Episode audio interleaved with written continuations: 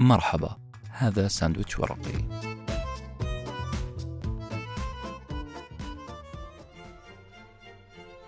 كأي طفل صغير كنت سعيد جدا بصحبة أخي الأكبر إلى مدينة جدة. لكن هذا الطفل الصغير فوجئ بأنه ذهب إلى مكان غريب. ساحة خضراء تحيطها مدرجات عليها آلاف وآلاف البشر آلاف وآلاف الأشخاص الذين يصرخون في وقت واحد يضحكون في وقت واحد يغنون بتناغم في وقت واحد. لم أكن مهتم بمجريات المباراة بل كنت مهتم بما يحدث على المدرجات. لو كان في كاميرا تصور المشهد من أعلى الملعب لصورت لنا آلاف الأشخاص الذين يفكرون بعقل شخص واحد. صراخ في وقت واحد فرح في وقت واحد حزن في نفس الوقت. تساؤلات بريئة من طفل. وهذا نفسه اللي وصله لنا كتاب اليوم بودكاست اليوم عن كتاب سيكولوجية الجماهير لغوستاف لوبون. هذا الكتاب يقول في كلمة واحدة الجموع تفكر بعقل شخص واحد. الجموع تفقد عقلانيتها بسهولة وتفكر بقلب شخص واحد.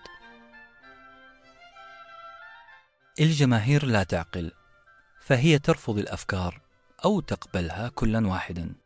الجماهير لا تتحمل مناقشة الأفكار إنها لا تعرف غير العنف العنف الحاد. وفي الحالة الجماهيرية تنخفض الطاقة على التفكير.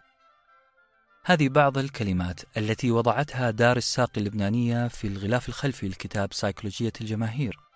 هذا الكتاب اللي ألفه الطبيب وعالم الاجتماع الفرنسي غوستاف لوبون.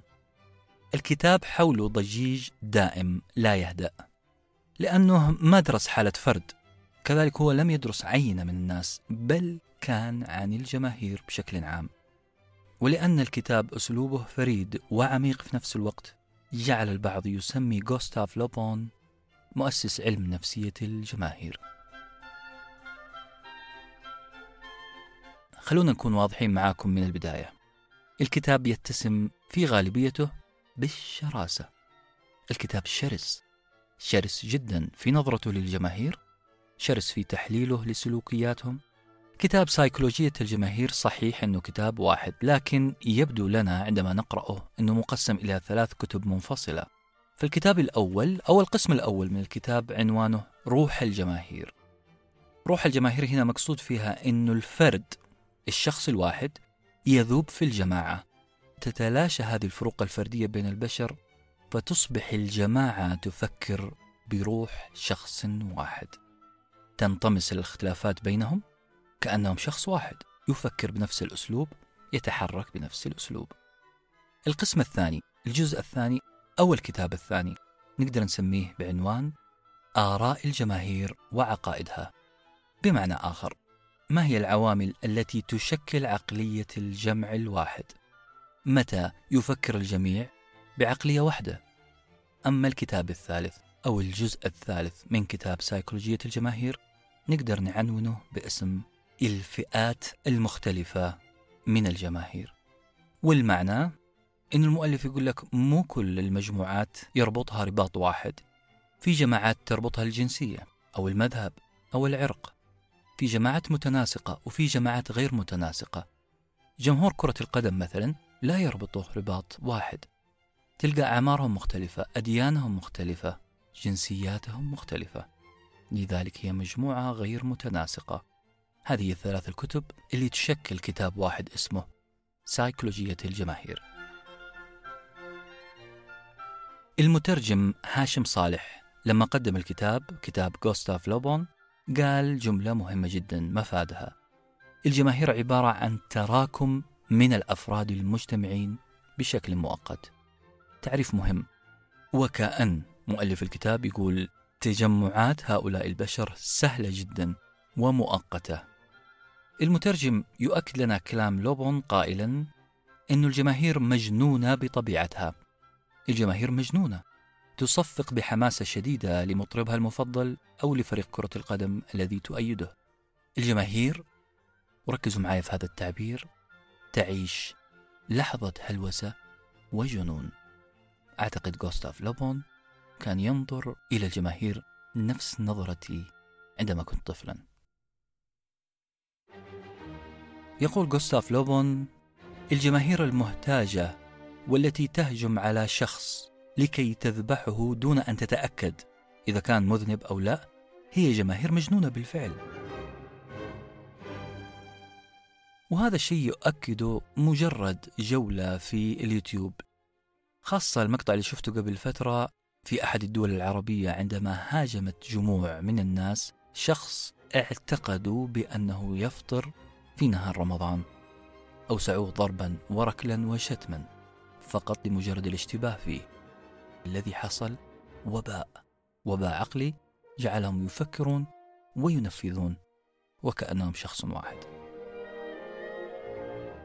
من بداية الكتاب سنستشف أن غوستاف لوبون يقول أن الجماهير أو مجموعة الأفراد عندما يجتمعوا مع بعضهم البعض يتحولون من حالة عقلانية إلى حالة عاطفية جدا. الجماهير غير ميالة كثيرا للتأمل والأسوأ أنه يقول أنها غير مؤهلة للمحاكمة العقلية. هذا يؤكد بامتياز أن الجماهير تعتمد على العاطفة كثيرا. الجماهير عاطفية بامتياز نقطة إضافية عجبتني في الكتاب. مؤلف الكتاب يقول الجماهير التي تتكون في الميدان مثل كومة القش.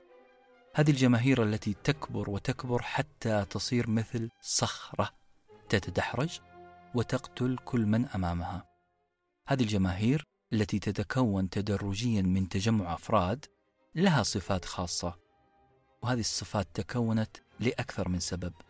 خلونا نذكر سببين جعلت كومة القش تتحول إلى صخرة.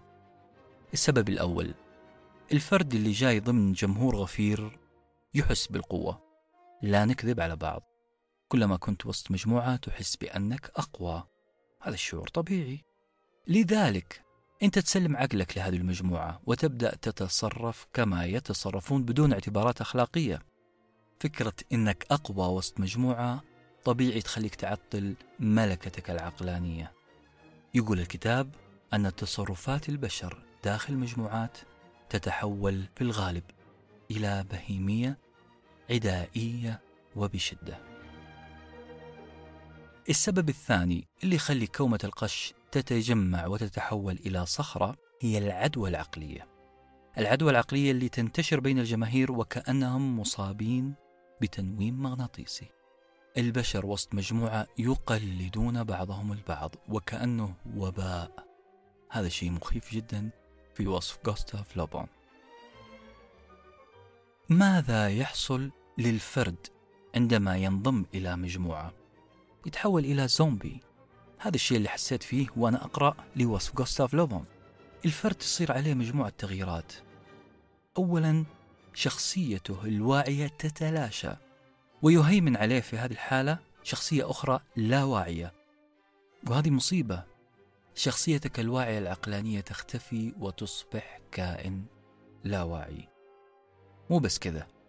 يميل الشخص أنه يحول الأفكار المحرض عليها إلى فعل وممارسة. يعني سلطة تنفيذية. مو فقط إنسان سلم عقله بل يتحول إلى سلطة تنفيذية. الشخص ينفعل بسرعة يحس بنزق ينعدم رأيه الشخصي والتأثير عليه يكون سهل جدا فينفذ بدون عقل. وهذا الشيء أكده لوبون لما قال بمجرد أن يجتمع الناس مع بعضهم على هيئة جمهور فإن الجاهل والعالم يصبحان عاجزان عن الملاحظة والنظر فلا فرق بين عالم وجاهل. يمكن تكون قرأت الكتاب يمكن تكون مرت عليك هذه المعلومات لكن في جزئية في الكتاب لم يركز عليها أي أحد رغم أني قرأت وقرأت وقرأت في مراجعات كتاب سيكولوجية الجماهير لم أجد أحدا قد التفت لهذه النقطة. الكلام في كتاب غوستاف لوبون دائما ما يتحدث عن الجماهير السيئة والمجرمة لكن الحاجة اللي ما التفتنا لها ولا التفت لها كثير من المراجعين أنه غوستاف لوبون تحدث عن جماهير جيدة. جماهير ذات أهداف نبيلة. جماهير بناءة. غوستاف لوبون يؤكد وهنا أنا أقتبس هناك جماهير مجرمة بدون شك ولكن هناك أيضا جماهير فاضلة. جماهير بطلة. جماهير أخرى عديدة. خلينا نفصل في هذا الكلام شوية. يقول جوستاف لوبون أن الجماهير عادة تتشكل بحسب قائدهم بحسب الشخص اللي يحرضهم. فإن كان هذا القائد خير كانت الجماهير خيرا وإذا كان القائد شر فالجماهير شر بالتأكيد.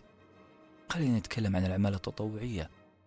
عندما يكون هناك قائد يوجه ويزرع في نفوس الجماعة حب التطوع حب العمل الخير ستجد المجموعات مجموعات خيرة تنتشر في الشوارع وتعمل بلا مقابل. إذا الجماهير يا جماعة بحسب رأي غوستاف لومون ليست دائما شريرة.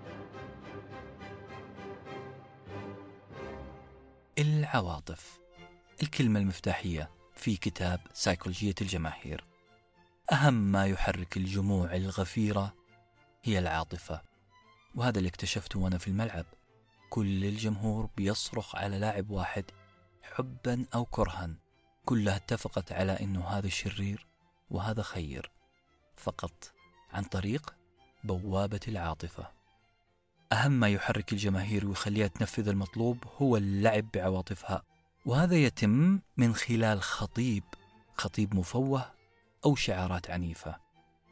الخطيب المفوه اللي ممكن يلعب على عواطف الناس مطلوب منه أن يبالغ في كلامه أن يؤكد ويكرر ويكرر بدون إثبات. كل ما تحتاجه كلمات قوية كلمات عاطفية داعب أوتار العاطفة عند الجماهير ولا تبرر. وعشان كذا ممكن نرجع للفيديو فيديو اليوتيوب فيديو الجماعة التي ضربت ذلك الشخص المفطر في رمضان. لم يؤكد لهم بأنه أفطر فعلا. لم يسمعوا هل هو معذور أو لا. لم يتأكدوا من عقيدته في الأساس.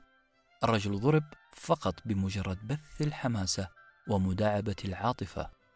كل هذه العواطف وهذه النزعة التنفيذية تعيد الإنسان لبدائيته. تعيده إلى تنمره على الحياة وكأنه في غابة. وبكذا تحصل أسوأ الممارسات داخل الغابة. في الكتاب كانت فيه أمثلة كثيرة على بيع الوهم للجماهير. كان في اعتماد كثير جدا على أن الناس قد تؤثر عليها تخيلاتها. في هلوسة جماعية. حطوا خطين تحت هذه الكلمة. هلوسة جماعية. قدم جوستاف لوبون كثير من الأمثلة وهذا واحد منها. كان في فرقاطة مشهورة سفينة كبيرة تسمى بالدجاجة الجميلة. كانت تنتشر في البحر من أجل العثور على سفينة حربية تاهت في هذا البحر. الفرقاطة بالجنود بالطاقم كانوا يبحثون في البحر عن هذه السفينة في عز النهار تحت الشمس. لا مو أي شمس شمس ساطعة. فجأة رأى مراقب السفينة زورقا مضطربا الفريق كله اتجهت أنظاره إلى ذلك الزورق إلى تلك النقطة ورأوا فيها أناس يستنجدون رأوا فيها كل دلالات أن هذا هو الزورق الذي نبحث عنه. طبعا الأدميرال أرسل جنوده ومعاونيه لإنقاذ هؤلاء الأشخاص المهددين بالغرق. ولكن عندما وصل الجنود إلى ذلك القارب لم يجدوا هنالك إلا مجموعة من أغصان الأشجار. بالعربي. ما كان فيه أناس يلوحون ما كان فيه أناس يصرخون ما كان فيه قارب أصلا. كل ما هنالك مجموعة أغصان تتحرك مع الهواء. لكن كان في شيء واضح جدا. كان في هلوسة جماعية جعلت الجميع يؤمن بأن زورقا كان هناك. ويحق لي هنا أسأل هل هناك فعلا انتماء في كرة القدم؟ هل هناك ما يستحق الصراخ والتشجيع والغضب والحزن والفرح؟ أم هي هلوسة جماعية؟ هذا السؤال أتركه لكم وفي حفظ المولى كنتم مع ساندويتش ورقي وجبة معرفية نتشارك لذتها